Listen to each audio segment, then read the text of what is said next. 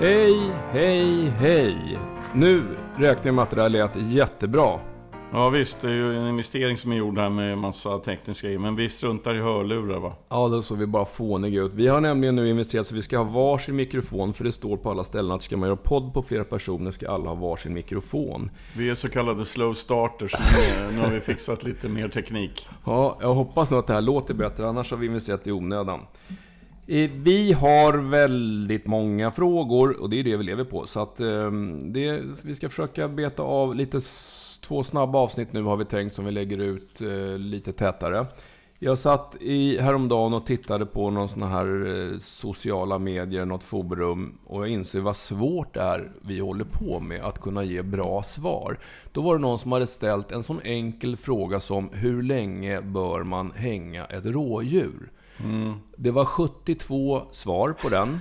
Och jag tror att det var, jag räknade till drygt 40 olika förslag på hur länge man hänger ett rådjur. Ja. Nej men alltså det är det jag tjatar om. Alltså, blir, man blir salig på sin egen sanning. Men och det balla med den här branschen där vi håller på. Det är ju att ingen blir uppenbarligen fullärd. Nej. Svårt att få ordning på fakta. Visste du till exempel, jag jagade häromdagen och träffade på eh, en eh, person som kan allting om jaktradioapparater. Ja, allt, det, precis allt. just det. Eh, och jag har ju jagat länge och mycket och brukar släpa omkring. Jag har väl sju olika radioapparater hemma och sladdar och grejer överallt. Ibland funkar de och ibland inte. Men han gav sådana här enkla, självklara tips egentligen. Som man inte har en aning om. Du vet, när man har en hörsnäcka, en sladd ifrån jaktradion. Då hänger ju den där sladden och släpar överallt. Och är man humförare blir man ju tokig på den där jävla sladden. Och då händer det att man virar den här sladden runt radioapparaten. Mm. För att slippa ha den hängande. Då fuckar man upp sändningen. Ja. Ljudet, bara, alltså det blir någon sorts rundgång eller det blir någon sorts, inte vet jag, det är molekyler och ljudgrejer. Men det är ju ingen människa som vet om. Men den här mannen var, alltså han kunde, det var fakta. Ja.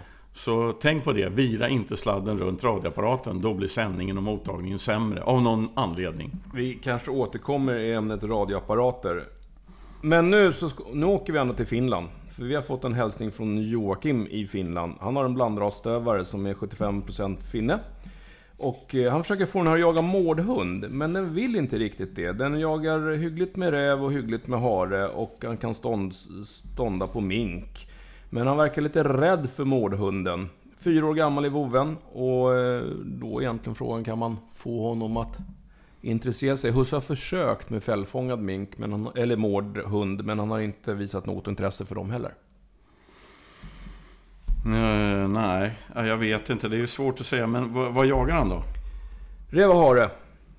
Men det stod det inte att han skällde på mink också? Ja, ståndskall på mink. Ja, jag vet inte, mårdhund. Jag har jagat en del mårdhund och eh, de är ju lite som grävlingar fast argare kan man säga. Så att det är ju utfall och grejer. Men samtidigt... Eh, ja, nej men alltså han får väl försöka trigga stövaren då. Ehm, Det gamla klassiska sättet helt enkelt. Har han en, eh, har han en fällfångad mårdhund ehm, som eh, eh, sitter kvar i fällan så kan han ju närma sig den här buren med, med stövaren i koppel eller ännu hellre lång lina. Eh, och så fort stövaren tittar på den här mårdhunden så triggar han lite genom att långsamt lägga tryck bakåt. Alltså dra linan lite bakåt. För min erfarenhet är att drar man en hund bakåt så vill den Lindevall Framåt. Yes. Eh, så där har, man, har jag faktiskt fått igång en hel del hundar som är i hägn, alltså som inte vågar riktigt släppa skallet när det gäller vildsvin till exempel. Eh, de är framme men, men den här skallpusselbiten kommer inte därför att de är lite oroliga helt enkelt. Alltså, även helt fullvuxna hundar. Lägger man lite tryck bakåt då så brukar de streta emot åt andra hållet. Eh, vilket brukar leda till att till slut blir de så pass upphetsade i det läget så att de börjar skälla. Men, eh, men eh, eh, det, det är ju ett praktiskt tips då. Men sen är det ju lite svårt. Jag menar, det är som vi håller på mycket med vildsvin. Ehm, vissa hundar vill inte jaga vissa vilt alltså. Ehm, framförallt rovvilt av olika slag. Det är inte så mycket att göra och det finns inte i huvudet på dem helt enkelt. Medan andra hundindivider i samma ras föredrar rovvilt. Så det handlar om vad hunden har i huvudet. Ehm, som jag ser det. Ehm, men, men försök lägga lite tryck på det. Ehm, man kan ju också, om den här stövaren, blandrasstövaren, har en, en jättebra polare som jagar mårdhund som fan.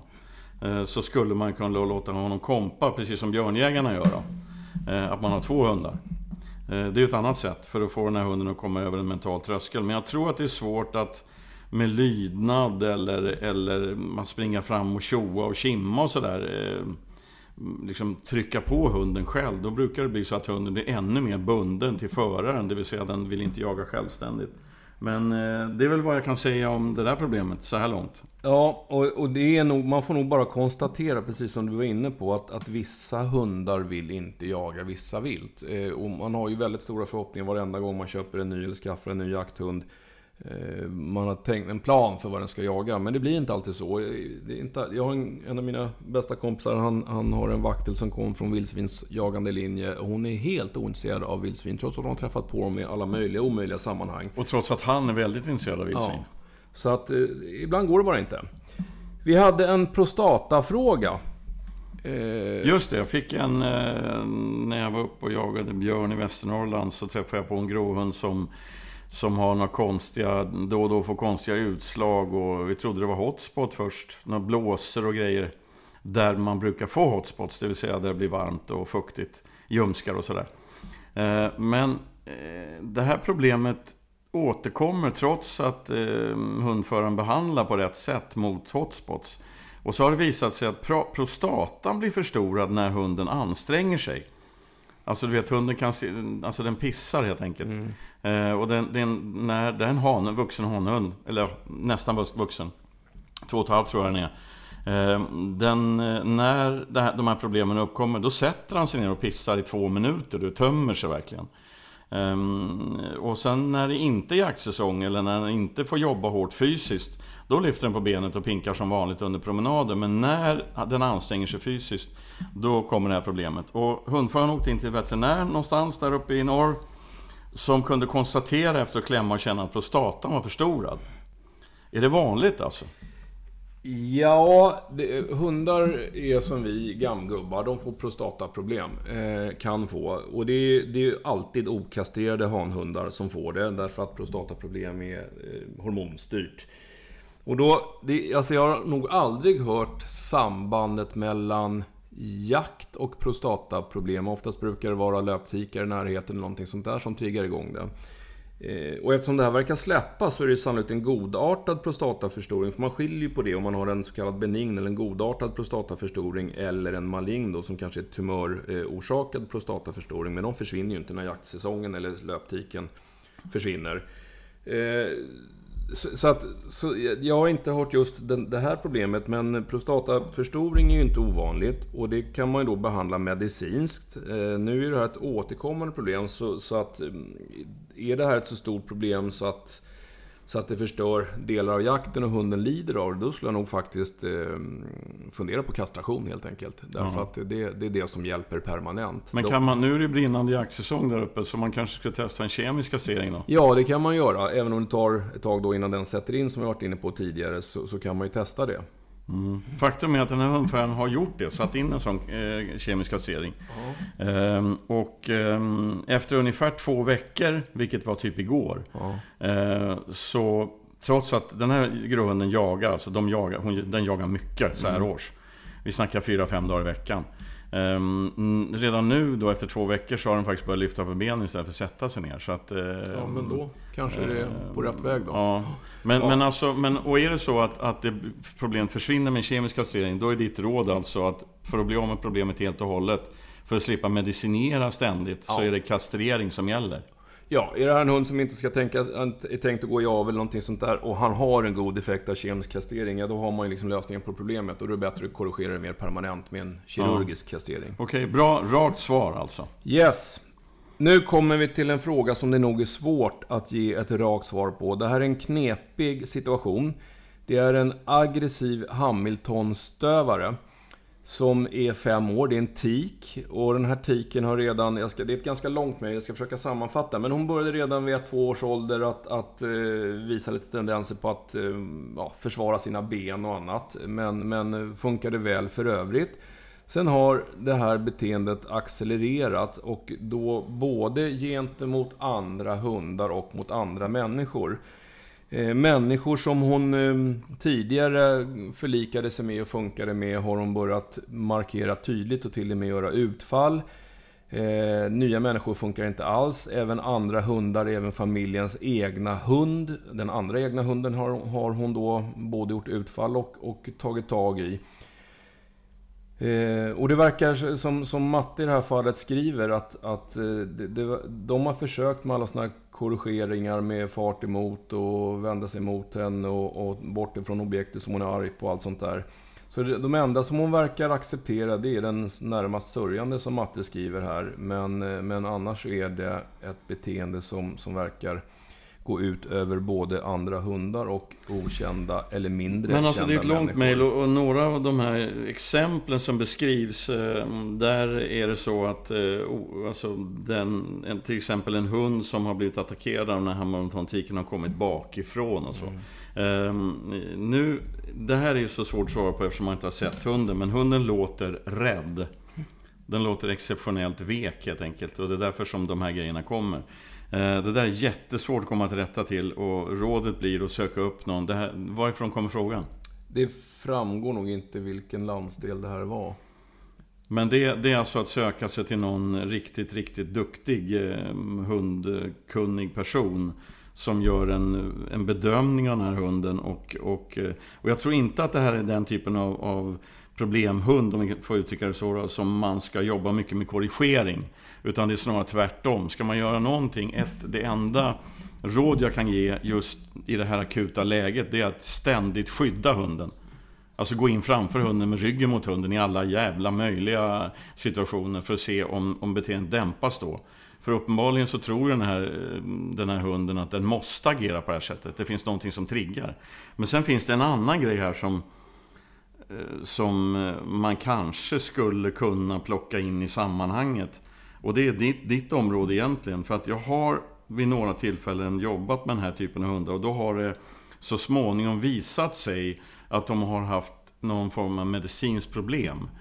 Eh, jag har två mm, exempel de senaste åren här där det visade sig att hunden hade en liten tumör uppe i huvudet alltså, som tryckte någonstans. Jag kan ju inte termer och sånt. Men de, det gjordes sådana här CT-scanner, alltså eh, skiktröntgenmodellen. modellen de kom fram till. Och, som gjorde att beteendet långsamt förändrades alltså. Eh, jag har ingen aning om, om, om det är värt att, att, göra en sån undersökning i det här läget. Men jag säger bara att om, om det här har vuxit, problemet. Alltså det låter ju som om det har eskalerat. Ja, det har det. Eh, och då ska man kanske inte helt förkasta en sån möjlig eh, teori. Vad säger du? Nej det, nej, det ska man inte. För det var, min första reflektion när jag läste det var, var nog också att det här kunde vara ett medicinskt problem. Och även smärta kan ju ge liknande symptom. Men men smärta kände jag att det var det nog inte. Därför att eh, den här tiken verkar ju agera Eh, utan att någon ens är i närheten. Och, och, för en del hundar som har ont, de, de kan liksom säga ifrån när någon närmar sig för att de vet att det här kommer ja, göra ont. Va? Men, men det här med tumörer, det är ju sannolikt underdiagnostiserat. Så att, så att, eftersom det är så få hundar som obduceras. Men vi vet ju att det förekommer hjärntumörer hos hundar. Och eh, ja, alltså det här har ju eskalerat under tre år. Det är ganska lång tid. Men, men ja, jag skulle nog börja med att snacka med någon som är riktigt duktig på... Jag tycker att det låter som en osäker hund, va? men annars så får man ju gå vidare med, med den medicinska biten. För det här är inte lätt och, och man börjar liksom närma sig ett läge där det här inte ens är hanterbart. Nej, nej. Men alltså, det, det, det är de två spåren helt enkelt. Och det går inte att...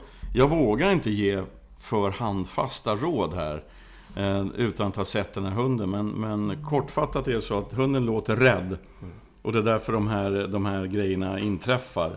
Eh, och eftersom det har eskalerat så är det så att de kanske har korrigerat hunden för hårt. Mm. Det vet vi inte heller hur, hur, hur människan har agerat. Att man har blivit riktigt förbannad på hunden när den har betett sig så här. Alltså man har kanske blivit för hård fysiskt eller på annat sätt. Vilket har gjort att rädslan har ökat helt mm. enkelt. Hunden mår inte bra och ni måste på något sätt ordentligt ta tag i det här nu. Yes. Eh, som jag ser det. Eh, tyvärr så kan jag inte ge någon mer tips ändå. Men, men kasta inte bort det här att det kan finnas ett medicinskt problem. Jag hade faktiskt en, en blandras en gång. Eh, ett antal olika raser som var magisk visade sig på att jaga vissa vilt. Eh, otroligt kul hund. Den var totalt 100% kärnfrisk. Sen mitt under en jakt när hunden drev älg så att det sjöng i skogarna blev det knäpptyst. Fullkomligt. Den tvärdog i språnget. Mm. Därför att en, en pulsåder i huvudet hade exploderat. Mm. Ja, den tvärdog alltså. Det fanns inget tecken innan någonting. Men den var en blandras alltså med ett medfött fel i huvudet helt enkelt. Mm. Eh, som ingen, finns ingen, så att det finns ju medicinska eh, orsaker som man inte tror på, alltså egentligen. Ja, och jag har sagt det så många gånger, hundar är som vi människor och vi människor kan drabbas av de mest märkliga, hastigt insatta sjukdomssymptomen. Det gäller våra hundar också, så att... Ja, knepig fråga. Eh, vi ska ta en fråga som jag lyckades med slumpens hjälp hitta på vårt Instagramkonto, Jakthundar och jakt. Eh, vi upprepar det igen. Skicka helst inte frågorna, eller skicka inte frågorna på Instagram. För att det är, i det här fallet var det en slump att jag letar reda på den. Men annars så ska ni skicka dem på jakthundar och jakt.gmail.com. För vi är inte så flitiga att titta på våra Instagramfrågor. Det här tittade jag på och det är från Fredrik. Han ska snart få en jakthund som ska bli apporterande och stötande på småvilt. Och det här låter som det ska bli en klassisk gå under bössan-hund. Hur ska jag gå tillväga för att hunden ska hålla sig inom hagelhåll och inte förfölja när till exempel en hare lyfter? Det blir en PT-fråga. Lydnad. Lydnad. Det är lydnadsträning som gäller. Eh, och sen att man tänker sig för så att man eh, man, man tränar, den här, tränar in den här lydnaden eller snarare hundens vil, egen vilja att lyssna på det jag vill ehm, stegvis så att, så att det blir eh, så att den inte går ur hand för mycket när den är ung. Sen finns det ett generellt tips när det gäller hundar som man vill få korta. Och det är att ha den lös så ofta som möjligt och skicka den konstant. Alltså att så fort den kommer så får den frihet. Skicka, skicka, skicka, skicka, skicka. Det är det, är det här motsatta som råd jag brukar ge till till exempel mm, kortdrivande hundförare som har kortdrivande hundar. När de vill få, få ut dem längre så brukar de tjata på hunden. Ja, ja, ja, men ut längre. Det får ju motsatt effekt. Då kommer hunden tillbaka snabbare för den vill få bekräftelse. I det här fallet ska man bekräfta hunden så fort den kommer. Ska man ta ett steg bakåt och sen skicka iväg den till frihet igen. Då vill den ju komma. Eh, automatiskt liksom. Men, men annars handlar, för att få in en hund under bössan så handlar det om lydnadsträning. Precis som stående fågelhundar. Alltså du måste få in eh, hundens egen vilja att göra det jag vill att den ska göra eh, på massa olika sätt. Och det där kan jag inte dra nu för det tar tre timmars teoretiskt babbel. Men det finns otroligt mycket duktiga hundtränare som sysslar just med det här. Eh, leta reda på en sån och, och gör så. När ska man börja med detta var en följdfråga. Ja. Nu. Nu ja, eftersom det är lydnad. Ja, alltså direkt. Alltså direkt. Se till att jobba upp en relation med lilla valpen så att den vill inget hellre än att vara med dig. Eh, så att man får, för det handlar ju om uppmärksamhet. Det handlar ju om att få hundens upp. Det gäller ju mina jämthundar också. Ska jag få dem att och, och vara följsamma i skogen så måste jag vinna deras lust att bli uppmärksamma på mig när jag kräver uppmärksamhet. Eh, hitta hundens egen vilja helt enkelt. Och när vi säger börja nu så är det alltså lydnaden som ska börja nu. Det vill säga att, hund, ja, precis som Peter sa, hundens vilja att jobba tillsammans med dig. Så att det är inte så att du ska ut och släppa valpen på, på vilt. Eh, Nej, Nej. Det, det kommer Utan senare. Börja bygga relationen. Börja, och sen se till att, att vara självsäker i kroppen. Och när lilla valpen kommer och är åtta veckor gammal. Eh, spring inte efter den och skrik kom hit. Det får motsatt effekt. Antingen skrämmer man en osäker valp eller är valpen tuff så blir det jaktlek. Utan var, var säker i kroppsrörelserna. Liksom. Klappa i händerna och vänd dig och gå åt andra hållet. Chansen är stor att valpen kommer då. Så man bygger valpens egen vilja att vara följsam. Det, då, det vinner man sjukt mycket på sen när den egentliga lydnadsträningen börjar. Bra. Det framgick ju inte av mejlet vad det är för ras, men förhoppningsvis finns det en del genetiskt eh, i den här hunden också. Jag hoppas att det var en jakt, jaktkocker, för de är skitballa. Ja, eller en jaktspringer. Ja, springarna är också balla, ja. men just de här små energiknipporna ja. till cocker spaniels, alltså jaktversionen, är dödballa hundar. Emil har frågat oss förut om en flatte, en flatcoated retriever, som, som eh, han apporteringstränare var lite osäker på om de dagliga promenaderna till dammen med tama änder och eventuellt fyande där skulle förstöra eh, flatcoated retrieverns jaktlust. Och det trodde vi inte, eller var ganska säkra på att det kommer det inte göra. Nu har Emil funderat lite grann på, på eh, retrievrarna. Och, alltså, vi, vi pratar ju om jaktlust, om, om retrieverraserna enbart besitter en nedärvd vilja att bära istället för det som kallas för jaktlust. Och mm, som han skriver, man hör i talmun att det finns mycket jakt i aven i folks apporterade hundar. Nu eh, är det möjligt att, att vi har en alldeles egen tolkning där, men för mig i alla fall, och jag tror Peter delar den uppfattningen, så är jaktlust inte samma sak som att hunden ska springa efter och driva vilt. Jaktlusten, alltså vi har ju avlat fram retrievrar med en väldigt stor vilja att bära föremål, att apportera föremål. Det är för mig en typ av jaktlust. Eh, det betyder inte att de behöver springa efter vilt. Ja, det gör de ju. De springer ju efter vilt för att plocka upp dem och bära tillbaka dem till husse eller matte. Så, så att... Eh... Jaktlust är egentligen detsamma som arbetslust kan man säga. Ja. och så, så, har vi jobbat hårt ett antal eh, tusen år eller något. För ja. att vinkla den här arbetslusten till det människan vill att hunden ska göra. Ja. Det, och, och, så. Men jaktlust jag tycker begreppet jaktlust alldeles självklart också gäller apportörer. Mm. Eh, för det handlar ju om den, den, enorma vilja som vi vill ha i hundarna att utföra de jobb vi vill att de ska göra. Eh, så det, det, för mig är det samma sak. Alltså en, en, en apportör som sitter hur stadigt som helst, hur lugnt som helst, härsar inte, piper inte eller någonting. Och så skjuter vi 15 änder och säger rapport. Eh, när den drar iväg sen, eh, då, då, är det jaktlusten som jobbar alltså. Så att, eh... Och då, då tar Emil upp här, alltså jämför sig lite grann med KLM, alltså Kleine Münsterländer, Forster eller Vaktel, som båda apporterar och förföljer vilt. Men de är ju då avlade på ett annat sätt. Och jag skulle nog hävda att det finns otroligt duktiga apportörer inom alla de här tre, tre raserna. Men, men retrieverna är ju mer specialiserade.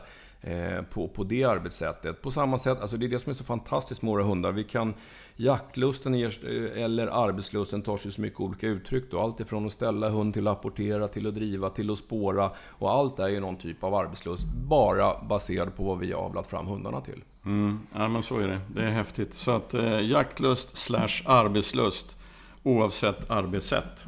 Ja, och sen hade faktiskt Emil också... Eh, han pratade ju om Basset Hound som, som eh, hade en fråga om man kunde hitta några som används till jakt. Och jag hittade inga som används till jakt. Det har blivit mer och mer utställning, någon enstaka eftersökshund.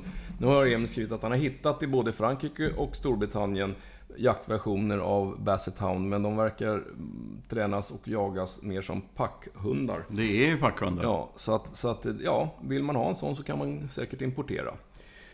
Okej då ska vi hoppa till ehm, en fråga som handlar... Ja, det, det är faktiskt ett ganska långt mejl, men mesta av mejlet är beröm. Vi tackar för det. Sen så avslutar Oskar med Något måste jag ändå fråga när jag skriver.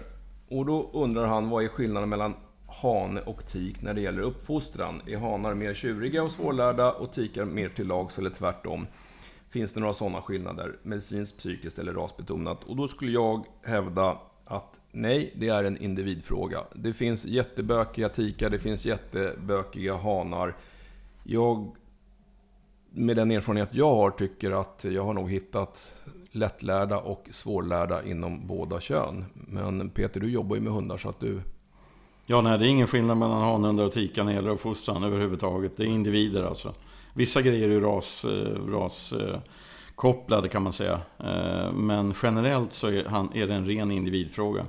Men sen handlar det också om hur man jagar. Så jag, jag har en kompis, jag har jämthundar och jag har en kompis som också har jämthundar som, som alltid satsar på, eller föredrar hanhundar. Han, de är hårdare i jakten och sådär. Eh, jag har valt tikar eftersom jag jagar så mycket vildsvin. Rent generellt och även statistiskt så får ju tikarna mindre stryk.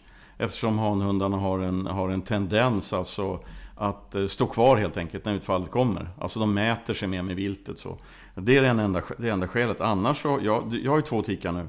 Du känner ju båda två. Eh, den äldre tiken, hon är fan inte lätt alltså.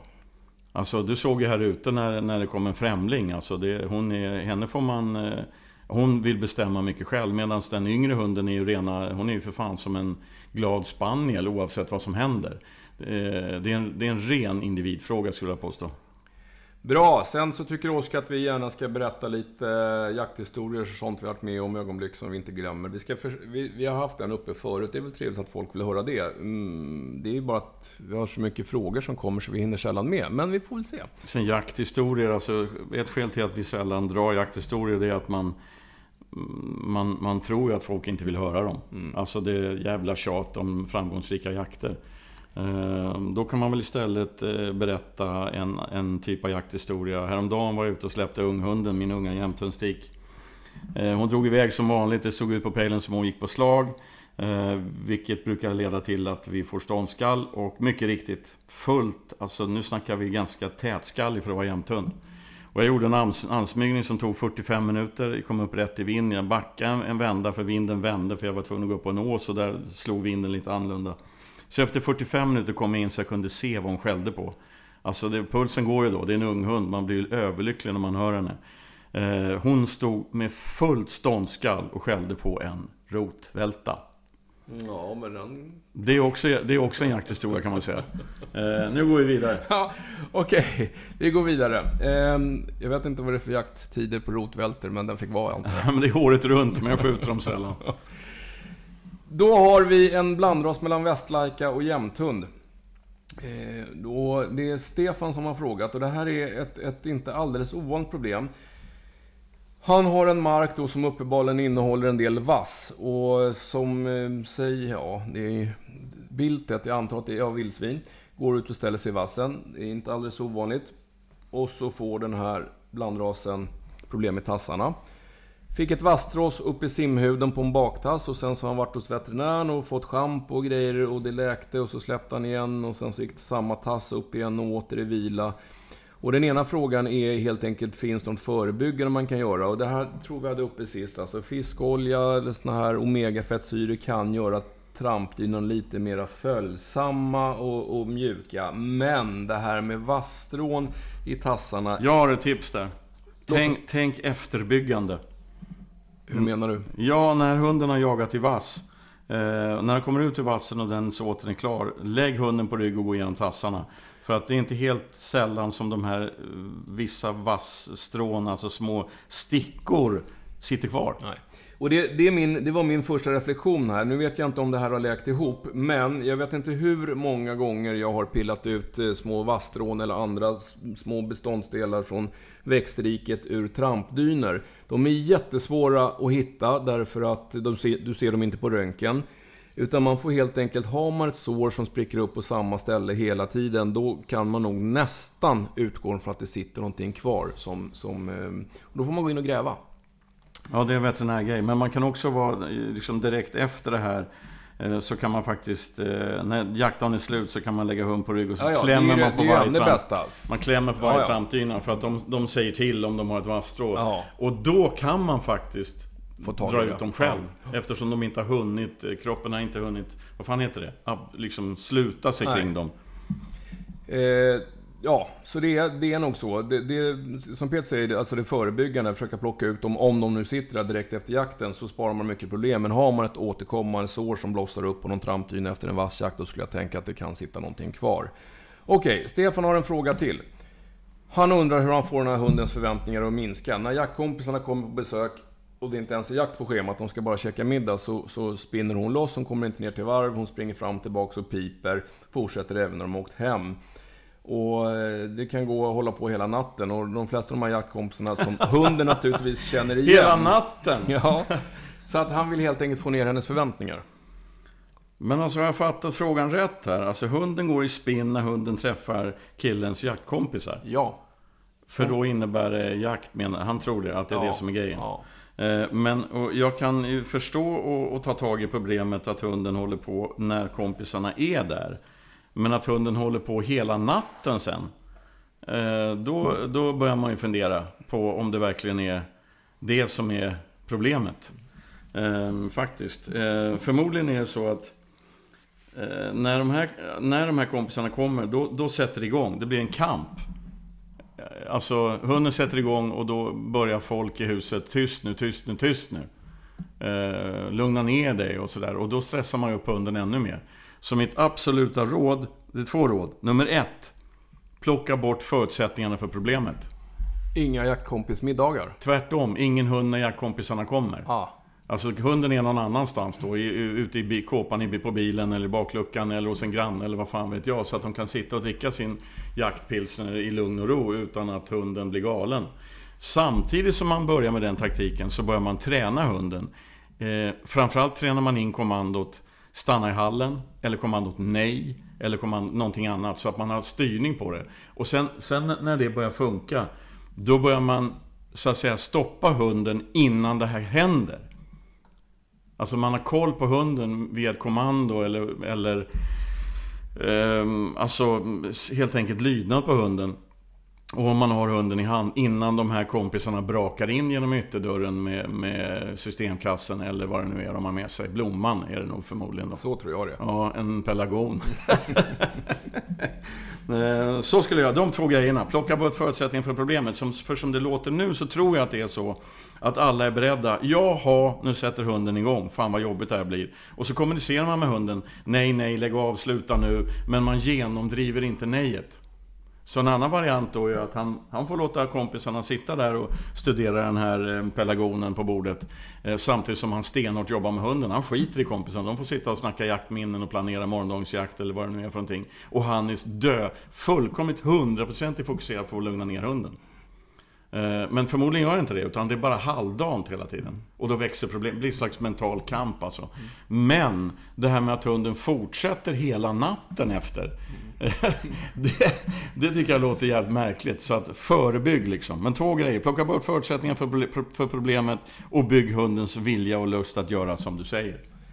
Okej, lycka till. Då kör vi på Jonathan. Han har en Kopov, som två och ett halvt år, som är en omplacering som han tog hand om i vintras. Då var den kraftigt undernärd och han behövde bygga upp honom rejält för att få tillbaka energin. Nu mår han som en prins och de har kommit igång med jakten.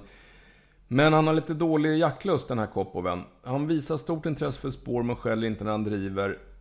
Eh, de få gånger han faktiskt driver. Och då undrar ju Jonathan hur, hur kan man trigga igång honom? Nu framgår det ju inte riktigt här då hur mycket den här hunden har jagat innan. Om den har jagat och i så fall hur mycket och hur den har funkat på jakten. Men, så vi får väl lämna det därhän. Ehm, Men alltså han, tog, han har tagit en omplacering som när de tog den var den undernärd. ja, och det ju, väcker ju lite så här vibbar. Har, hur, hur är den skött och hur har den blivit Den är, väl jagad den är väl misskött då antagligen. Vilket innebär att den inte är injagad överhuvudtaget. Vilket är klokt eftersom det är en Kopov Mm. som är två och ett halvt år. Jag tycker att den här hundföraren ska vara, sitta stilla och lugnt i båten. Kopov tillhör de raser som mognar relativt sent. Två och ett halvt år är, är, är liksom... Eh, alltså skäller inte när han driver, men han driver. Han, Ja, han jagar men ja, han skäller inte. ja. Eh, Få gånger. mitt råd är att lägg hela den här säsongen på att jaga. Från 1 oktober, ös på. Chansen är enormt stor att, att skallpoletten kommer trilla ner i huvudet på den här Kopoven. Eftersom den är så ung och förmodligen inte ens i närheten av att ha blivit injagad. Skulle jag tro. Det låter ju så. Eftersom de tog den och den var undernärd. Kan man göra en sån här som du var inne på tidigare Absolut. med mårdhunden? Ja, ja. Bromsa den i Ja, ja. linan, låter den se ett vilt och hålla emot i linan? Ja, och- eller alltså, du går med hunden i lina. Kort lina kan man ha först då. Håller nära hunden och sen så går man ut på eh, ett gärde där det står fyra dåvilt eller något. Eh, Och sen skrämmer man bort de där dåvilten och då hunden ser att de sticker helt enkelt. Och så går man med hunden i lina i den här döfärska stresslöpan. Eh. Och så håller man emot. Då fan kommer en normalt avlad kopp och börjar skälla då. Jag har svårt att tro att den inte gör det. Men framförallt, ta det lugnt. Jaga bara. Den kommer förmodligen att komma. Eftersom den med stor sannolikhet inte har fått chansen att visa vad den kan. Dag har, ska han ska till hösten jaga in en unghund av kortdrivande ras, framgår inte vilken. Den är ett och ett halvt år, den har släppts två gånger på vildsvin i hägn. Han vill ha lite praktiska tips på injagning. Eh, Då han har några sådana konkreta frågor. Ska man släppa i medvind för att minska risken för att den lär sig gå i vind? Eller spelar ingen roll. Eh, när ska man börja fälla vilt? Eh, ska, den, ska man vänta tills den har fått upp brevtiderna till 10-15 minuter om det är där man vill ligga? Eh, eller ska man eh, eh ja, skjuta så fort det går och så vidare. Ja, svarar du Peter. Ska jag svara? Men först måste jag undra, vad fan, jag har ju fått en lista av dig på frågor här. Som vi ska svara på. Ja. Och du hoppar ju för fan mellan frågorna här. Jag får ju inte tid att hänga på. ja jag improviserar. Ja, ja nej men injagningstips alltså. Det ska bli en kortdrivare, visst var det så? Ja. Ja, men då, alltså. Gör hunden ett bra jobb, skjut efter 30 sekunder. Fine. Gör hunden ett bra jobb, 5 minuter, skjut. Gör hunden 10 minuter, fine, skjut. 45 minuter, skjut inte. Om du vill ha en kortdrivare. Så, så ser jag det. Eh, när det gäller kortdrivare så skulle jag vilja påstå att det väsentligaste man ska tänka på, det är att se till att få ordning på återgången. Det är det som är grundgrejen alltså. Eh, därför jag, jag, du har ju själv haft en sån vakter som hade sådana problem att den, att den drev, släppte och tog upp nytt på tillbakavägen. Ja. Eh, så att eh, det, det är det som jag tycker är vettigt. Hur gör man det då? Ja, är det så att hunden börjar driva uppåt en 15 minuter eller någonting, ja men häng på i löpan då. Alla kortdrivarhundförare har ju en, har ju en, en pejl i handen. En, ett rött eller blått streck som talar om hur, hund, hur hunden går i skogen. Häng på där bara så att man är närmare hunden när den väl släpper viltet. Då tar hunden sitt bakslag, vilket alla hundar gör. Eh, ska göra, om de är rätt avlade. Det är så det funkar med drivande hundar. Eh, och sen när man möter hunden så berömmer man jättemycket genom att vadå? Släppa den direkt igen.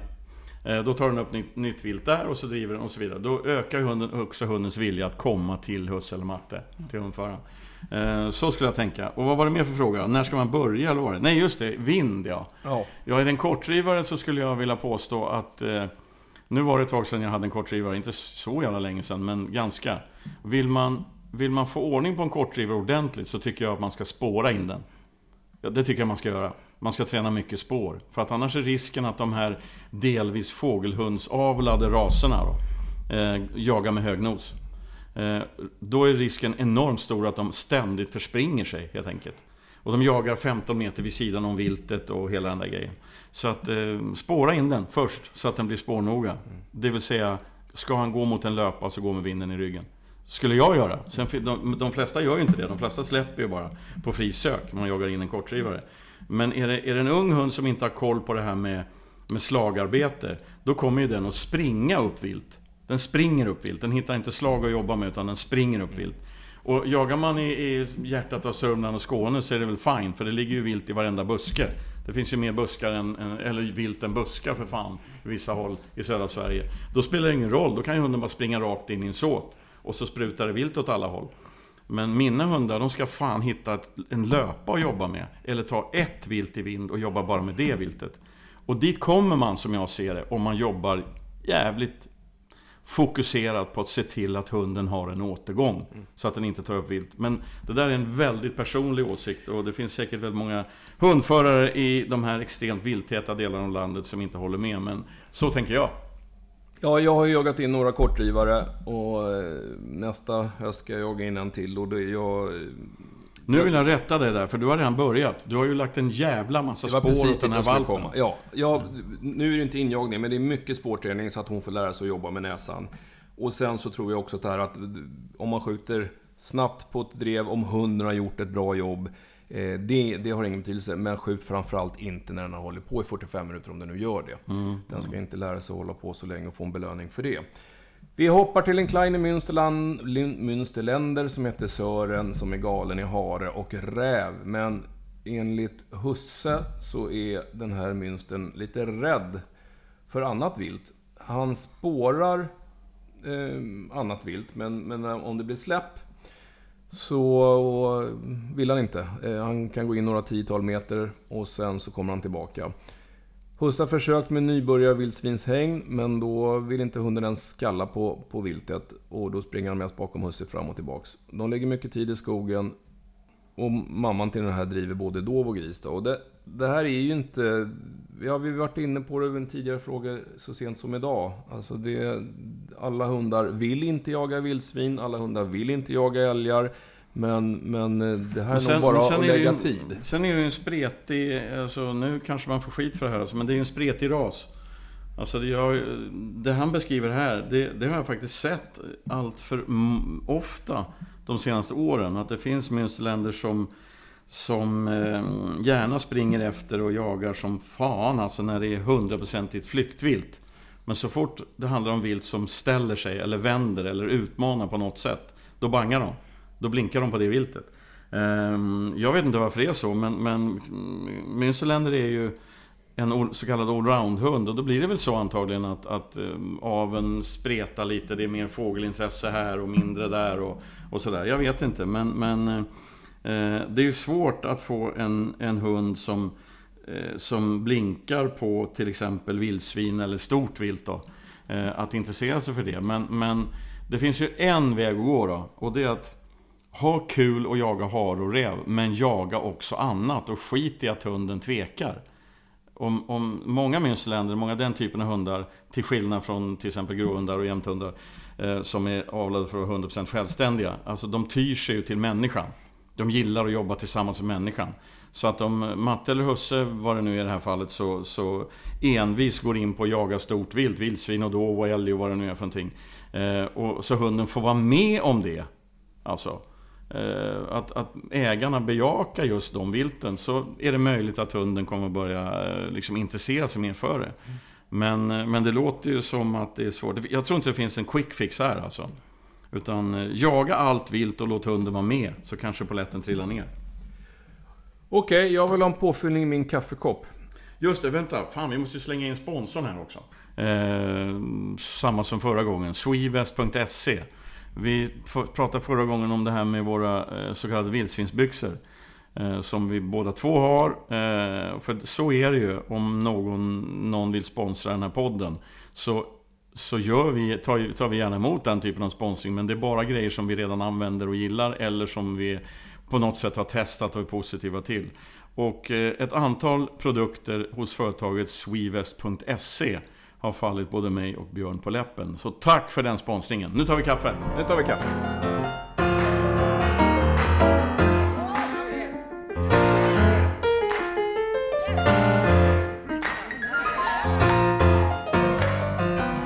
Då hoppar vi land till och med. Vi hade första frågan tror jag var från Finland. Nu kommer en fråga från Norge. Som handlar om en tre och ett halvt år gammal stövartik som har haft en jättebra utveckling och, och verkar gått som tåget förra hösten. Hare ska vi säga att det är det hon jagar. Men de här sista gångerna i år då så, så skriver Husse att det är som att jaga med en tre månaders valp. Hon söker inte ut, hon håller sig nära honom. Han har försökt att gå långsamt men hon vill inte gå iväg och kommer tillbaks och lägger sig. Och, och ja, hon har tappat, eh, tappat det mesta låter det som. Ja, vad kan det här bero på Peter? Jag har ingen aning. Absolut ingen aning vad det beror på. Ja, det men, men jag har några tips om vad man kan göra nu. Ja, men det är väl bra. Eh, Då börjar vi där. Ja, nummer ett är att ge det tid alltså. Eh, fundera på hur hundföraren själv beter sig i skogen och sen ge det här tid. Jagade hon bra i förra hösten så om det inte är något medicinskt problem, någon sån skit som har kommit in emellan, alltså att hon är sjuk på något sätt, eh, så kommer det komma tillbaks. Så ge det tid är råd nummer ett. Nummer två, släpp i mörker. Ehm, det skulle jag definitivt prova med den här. För då ser hon inte husse, husse ser inte hunden. Det blir noll, noll visuell kommunikation. Vilket gör att den här självständiga poletten kanske vaknar upp. Om man dessutom släpper i mörker på någon klövervall, alltså, ehm, där, där chansen är stor att det sitter hare. Så kanske jaktlusten vaknar till liv igen då. Så att hon slipper jobba så fruktansvärt hårt på, låt oss säga fram på förmiddagen med, med superkalla slag och reda ut det där. Eh, för det kan ju vara något sånt. Och nummer tre då. Eh, om han blir orolig. Ja, han har säkert, det här är en stövarjägare vilket innebär att han känner andra stövarjägare. Så välj ut någon som han litar på och som jagar som en idiot och låna ut tiken i två månader. En annan hundförare har ett annat sätt att bete sig i skogen, vilket ofta leder till att hunden visar andra beteenden som svar tillbaks. Eh, för att få igång hunden alltså. Det... Dötrist att vara utan sin hund i två ja, månader. Ja, alltså det här, men alltså, jag, min, mitt jobb här är att ge något sån här halvvettiga råd. Okay. Och det är de tre. Alltså, ge det tid, släpp i mörker, låt en annan hundförare jaga med hunden. Tre att... konkreta. Bra. Nu är det veterinärfråga. Energitillskott. Ja, det, det är inte så mycket veterinär. Det är mer av ett tips. Men, men den handlar just om energitillskott. Och det är... Anders som har skrivit att eh, han har provat en variant, eller han tänker prova en variant på energitillskott till mina hundar. Det är en jämte och en jämtlajka. Och då har sambon har fällt en bock på bockjakten och då blir det alltid lite kött kvar vid styckningen. Så där har han provat att koka ner en gryta tills det faller sönder, plocka bort allt ben och sen har han lagt i ister, alltså fett. och sen eh, kokat undan vätskan och fryst in i lagom stora portioner. För att ge kvällen innan och mellan såter tillsammans med vatten. Är det en bra idé som energikälla? Och det, det, jag tycker det låter som en jättebra i, eh, energikälla. Förmodligen kommer hunden älska det. Och den innehåller ju då det som är Alltså ister i det här fallet, fettet, är ju högoktanig energi. Precis det hunden behöver för att orka länge och eftersom det här är små portionsbitar så hundarna äter kanske inte så himla mycket under en jaktdag för de har inte tid med det, men då får de koncentrerad energi. Och är det så gott som det här lär vara för hunden så kommer hon säkert gladeligen äta det. Eh, vi har ju faktiskt nu också en YouTube-kanal som heter Jakthundar och jakt. Där finns en eh, liten filmsekvens just om det här med foder och energi som, som ni kan kika lite på. Mm, och det är intressant det här med mat och energi till hundar. Där finns uppenbarligen väldigt många åsikter. Jättemånga. Eh, ja, väl, väldigt mycket. Det finns mycket världsmästare i den här branschen alltså. Eh, och det finns otroligt mycket bra kunskap. Så att eh, man får ju lyssna på den som man litar på. Men, men några saker är ju ganska självklara. Och det är att när hunden förväntas bränna oerhört mycket energi, som till exempel under en hård jaktdag, då behöver man stoppa in den där mm. energin. Exakt. Alltså det, det är ju enkelt. och, och Ja, jag ska inte ens ge mig in i debatten om vilket foder man ska ge, för var och en blir frälst på, på sin idé. Och vissa säger att vom är det enda som gäller, och andra säger att torrfoder är det enda som gäller, och färskfoder och så vidare och så vidare. För mig spelar det ingen roll, för det är precis det Peter beskriver. Det är energiinnehållet i fodret. Fodrets beståndsdelar är det som är avgörande. Har man en hund som käkar färskfoder, blötfoder, torrfoder, mår bra, håller sin vikt, orkar i skogen, har bra pälskvalitet. Då skiter rent ut sagt det samma vad det, vad det står på påsen. Ja, Men ju mer man bränner, desto mera behöver man. Sen, sen, fick vi, när vi, den här lilla YouTube-kanalen vi har, jag, jag beton, med betoning på liten för att vi har bara lagt ut eh, några få filmer än så länge. Det kommer komma mer, lovar jag. Men, men eh, mm, i kommentarsfältet där så ser man att eh, det, det pratas en del om oerhört viktiga spårämnen och sånt. Men det är inte riktigt det vi pratar om. Det är klart att det måste vara bra foder som innehåller allting hunden vill ha. Vad vi pratar om är ren energi. Ja, och, och det, det, har jag också sagt förut att, att eh, proteiner, kolhydrater, fetter och mineraler och spårämnen, det ska alla foder innehålla. Men det gör alla bra foder. Mm. Eh, så att, så att, men det är självklart. Okej, vi ska hoppa till en... Det här är lite kul. Det här är en Hällefors-tik som håller på att skolas om. Det här är en, en omplacering som de första fyra åren av sitt liv har bara levt som sällskapshund. Och sen blev hon omplacerad och då har den nya husse och matten noterat här att hon hade en väldigt, väldigt bra näsa och eh, verkar vara intresserad av älg. Så hon har kört igång den här tiken gradvis under ett och ett halvt år då. Och det har bara gått bättre och bättre. Från linträning på älgar så har hon då släppt henne och hon söker ut mer och mer och har nu också börjat hitta älgarna och en ställande hund. Hon får stopp på dem. Men det som fortfarande är ett men är att hon inte riktigt får till ståndskallet. Hon skallar och får stopp på dem, men när de väl står så, så tappar hon lite grann av skallintensiteten. Ja, vad, kan du, alltså, vad gör man åt det här då, Peter? Alltså, för, först och främst, det här är ju dödballt alltså. Eh, och jag, hade, jag tog över en grovhund, vet du, Udda. Mm. Som var eh, fyra år någonting. Eh, som av många olika skäl inte har fått jaga särskilt mycket. I princip ingenting då. Eh, den dåvarande ägaren hade förlorat sina jaktmarker och lite sånt. Eh, det visade sig att, ja, hon blev ju ganska bra kan man säga. Ehm, och det är min tes här om att börja gärna tidigt men ställ fan inga krav på dem. För att hon var ju 100% vuxen och mogen egentligen när jag började jaga in henne. Och det var ju liksom som att öppna en kran bara. Ehm, och lite så låter det som här, med en skillnad. Det här med att, den in, att ståndskallet inte har kommit igång. Det tror jag beror på, och jag tror också det de, har, det de beskriver i den, här, i den här frågan, det är en hund som är ganska försiktig. Eller hur? Mm. Ganska... Mm. Hon var väldigt eh, avvaktande. När de tog över henne. Ja, precis. Eh, och, och, mm, och därav, det är därför som ståndskallt inte har kommit. Självförtroende och grej. Ja, precis. Alltså hon, hon tycker det är lite jobbigt, men hon står ju kvar. Och ståndskallet kommer inte riktigt igång, stod det. Vilket innebär att hon faktiskt skäller lite grann. Men, men alltså, jag vill gärna ge de här människorna en klapp på axeln och säga grattis för att vi har ställande hundar för att de ska få stopp på vilt som är i rörelse. Och det, det funkar ju uppenbarligen. Och märk väl, då skäller hon ju. Gångstånd och sånt. Och så springer hon ikapp, går upp i sidan om, skäller.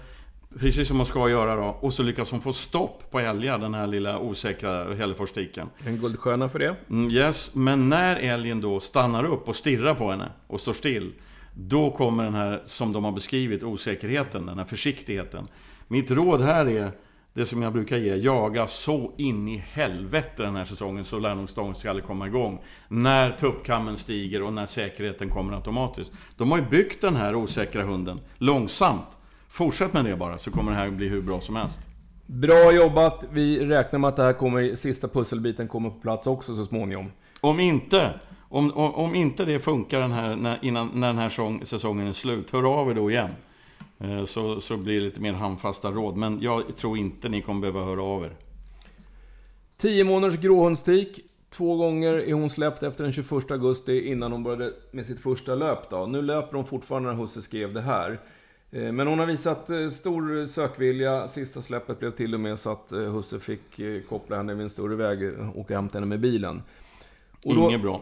Nej, det är inget bra. Även om man förstår då att de, En gång, två gånger, tre gånger, fine, men inte mer än så. Nej. Nej, det är risken att hon lär sig det. Men, men det är klart, står hon på en stor väg vill man ju inte... Ja, men då måste man hämta hunden så måste man hämta hunden. Så, så är det. Men hos har en liten fundering. Hur resonerar vi kring de första släppen? Han, har, han är jagare i Östergötland och eh, flera marker med varierande vilttillgång. Och han har valt medvetet att ge henne mycket tid och han har försökt att släppa henne på viltfattiga marker initialt för att träna sök, kontakt, kontakt och självständighet. Och sen så har vi pratat om eh, det här med kvalitet i injagning, att man, man ska försöka presentera rätt vilt för en ung hund. Och, och, och, det är ju helt rätt, men, men det här, vi kanske varit otydliga, alltså, men det ena förtar inte det andra. Det ena, det här med att ser man en älg, sprätt iväg den, sätt fart på den och låt hunden gå i älglöpan. Det är ju mer prägling, att vi vill prägla den här hunden på ett specifikt vilt, eller ett vildsvin eller vad sjutton det nu är. Det här andra som du gör, det vill säga att du släpper på viltfattigare marker för att träna sök, kontakt och självständighet. Det är ju mer jaktmetodiken, att lära henne sök, självständighet, kontakt, precis som du skriver. Så att, så att det ena behöver inte förta det andra. Men att träna en, en grå, ung gråhund på tio månader på vildfattiga marker, det tycker jag är att jaga in med kvalitet. Ja. För att man undviker alltså att den springer på dåvilt och harar och rådjur och annat. Eh, så är det ju. Men bara ett förtydligande här. När det handlar om att jaga in med kvalitet så menar inte jag att man ska se en älgkviga på ett gärde sparka den i rumpan så den drar iväg och sen släppa hunden. Eh, för då, den kvigan kommer inte ställa sig i första taget. Utan det handlar alltså, alltså om att veta ungefär vad viltet är och släppa i vind eller på slag eller någonting långt bort ifrån. Så att det är ostört vilt eh, som en ställande hund hittar. Eh, tror jag eh, att vi ska göra. Jag ska bara trycka bort, det ringer hela tiden här. Kan du ringa senare? Så, då blir vi av med den. Då tar vi fråga två. I början av oktober har, har husse Oskar här bokat tid för hunden i ett vildsvinshägn. Då är hon 11 månader. Och han undrar om han, försök, om han vinner på att försöka få kontakt med frilevande vildsvin innan hängträningen. Eh, nej, jag tycker inte det. Hon är ung. Alltså de flesta häng brukar faktiskt inte tillåta hundar först de är uppåt året att träna på vildsvin. Men, men hon är så pass ung så jag tror att det kan vara oklokt att presentera henne för, för eh, frilevande vildsvin. För det är risken att hon presenteras för fel gris och då kan det gå åt skogen. Det är nog bra att titta på hur hon jobbar och låta henne bekanta sig med vildsvinen i lite lugnare former, tycker jag. Vad tycker Peter? Ja, alltså en 10-11 månaders eh, gråhund är ju inte färdig i huvudet på långa tider alltså. Så att, eh, när, och har han ändå har han bokat en tidig vildsvinssäng så börja där då. Eh, så är det ju. Sen, sen så, eh, jag pratar ju lite, eller jag jag är ju inte riktigt själv som... Mm, så det rimmar lite dåligt med de råd jag ger ibland för att jag släpper ju, släppte ju min jämte in ja, tidigt eh, på frisök. Men jag gjorde ju det då när risken att hon skulle springa på vildsvin var väldigt liten. Det vill säga sent på eftermiddagen när grisarna har legat i tio timmar. Och det är jävligt kalla eh, slag i så fall hon behöver gå på. Eh, men, men eftersom han har bokat tidig vildsvinssväng så börja där. Bra, och skippa de frilevande så länge. Nu Peter ska du få en, en fråga. Det här kommer du älska. Vad är det nu? Du ska få prata om dig själv. Nej! Vi har fått en fråga från Rickard. Han har bara skrivit Tack för en riktigt bra nyttig podd. Han blev lite intresserad av våra bakgrunder både jaktmässigt och yrkesmässigt. Varför vi började jaga och varför vi började med våra yrken och så vidare. Så han är lite nyfiken på vad vi är för figurer helt enkelt. Ja, jag vet inte. Det där är ju helt jävla ointressant. Alltså, ja, nu, nu frågar ju Rickard. Ja, nej, Hur men hamnade alltså, du där du är? Och när började du jaga och varför? Ja, alltså jag hade lite svårt eh, med skolan. Så jag blev en praktiker. Eh, nej men alltså när jag hittade jakten då. Jag kommer från, delvis från Värmlandsskogarna.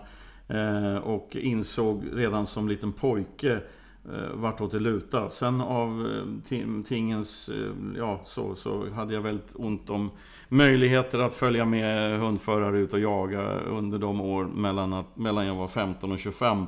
Men efter det så valde jag ett liv som i princip bara handlar om skog och vilt och jakt och så. Jag är nörd på det här, jag kan inte hålla mig borta från skogen. Svårare än så är det inte. Men sen är det ju svårt att vara, jobba i, jakt, eh, i jakten i Sverige med en sak. Så att jag jobbar ju som journalist och fotograf och filmer och lite TV och hundträm. Fast mitt egentliga yrke som jag säger nu, det är... Det finns ingen namn för det helt enkelt. Jag jobbar med allting som har med jakt att göra. Och skälet till det är att då kan jag jobba som en idiot under lågsäsongen. För nu, nu är det podd och två grejer till, sen är jag i skogen. Hur kom du in på hunderiet? Um, ja, det började nog när jag var typ nio år och läste en bok som heter Skriet från vildmarken. Okay. Nej, men alltså uppe i Värmland så hade de ju drevrar och blandstövare och sånt. Jag älskar hundar alltså. Det är lätta individer att ha att göra med och, och enkla att förstå sig på och sådär. Så att nej, det, det är ett slags nörderi helt enkelt. Men min, mitt jaktintresse har gjort att jag jagar ju väldigt mycket och jobbet har gjort att man känner folk överallt så att man får jaga på många olika marker. Eh, och så. Eh, och så småningom, jag har haft alla möjliga typer av hundar. Alla möjliga portörer och kortdrivare och alla möjliga. Eh, och har landat i Formel 1 helt enkelt. Vill ha vidsökta stora spetsar som som jagar i timmar och så. Eh, du har ju halkat in, du har ju blivit en totalnörd. Du har ju gått ner i arbetstid. Du jobbar ju knappt någonting för fan. Så här ja, års. jag jobbar i skogen. ja, det gör du. Ja, jag, bara, jag måste faktiskt bara fråga Peter. Vad, din, eh, ditt stora hundkunnande, och du har ju faktiskt ganska mycket hundkurser. Är, är, det, är du, som på fint språket, autodidakt, självlärd? Eller, alltså hur, för du har ju, tycker jag då, eh, en filosofi kring det här med inlärning och hundträning som Eh, som för mig känns både sund och logisk. Ja, autodidakt, det är ett fint ord alltså. Ja. Men, eh, men det, det är ju så, men också så som jag jobbat som journalist i, och fotograf i, i jakt och hund-Sverige under många år så har jag träffat på och sett alla möjliga typer av träningsideologier och så vidare. Mm. Och har försökt det mesta och gjort alla misstag man kan göra med egna hundar och, och landat i ett slags hopkok och sådär. Men, men eh, men eh, nej, jag har inget långt CV om det är det du undrar. Nej, jag bara undrar om det var en egenskapad modell så att säga. Det... Men jag tror, vi, jag, tror att, jag, jag, tror att det handlar, delvis tror jag faktiskt att det handlar lite om en slags medfödd grej. Alltså att man har ett sånt jävla starkt intresse. Som gör att man kan, man kan inte låta bli att nörda ner sig. Och så småningom blir man det är som med allting, man blir skapligt, skaplig bra på det man tränar mycket på. Eh, som Stenmark sa, ju mer jag tränar desto mer tur har jag när jag jobbar.